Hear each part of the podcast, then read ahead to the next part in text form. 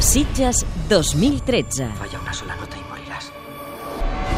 El Festival Internacional de Cinema Fantàstic de Catalunya, a Catalunya Informació, amb Àlex Gorina i Ferran Auberni. Dia 7. La secció competitiva del festival va presentar ahir una seriosa candidata al palmarès final d'aquesta 46a edició, la pel·lícula d'animació adulta The Congress.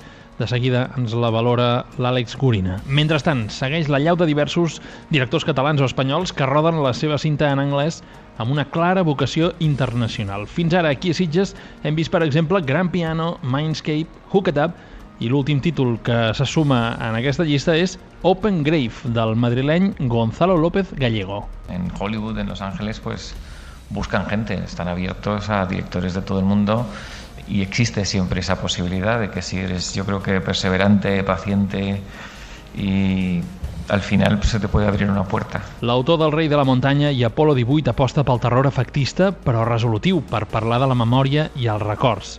El protagonista és un home que es desperta envoltat de cadàvers en una tomba. Una situació límit que, segons Gonzalo López Gallego, és una metàfora de la deshumanització de la societat i de la lluita per construir la teva identitat des de zero.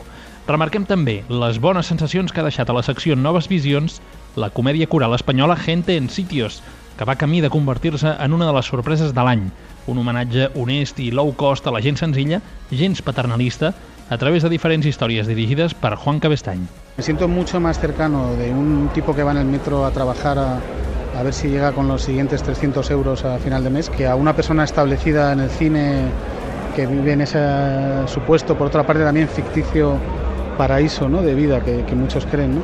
Sí, me siento cercano a eso y, y lo observo, lo veo, empatizo y, y me, me atrae, me atrae como material.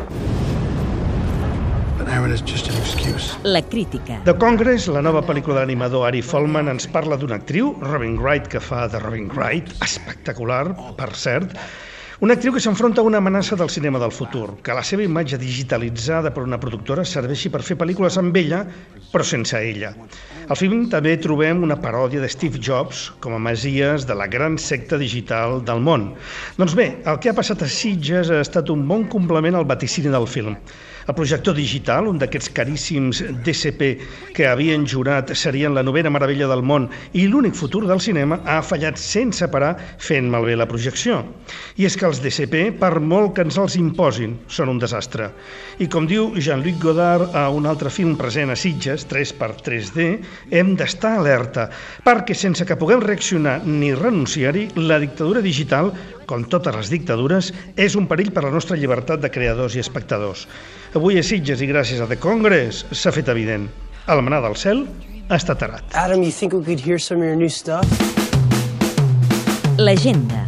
Dos noms propis marcaran l'activitat d'avui. De Jim Jarmusch veurem Only Lovers Left Alive, la història de dos vampirs amants que arribaran a la gran pantalla de l'auditori a les 11 de la nit. Una mica abans, al mateix espai, s'estrenaran, però, dos pel·lícules amb Alejandro Jodorowsky de protagonista.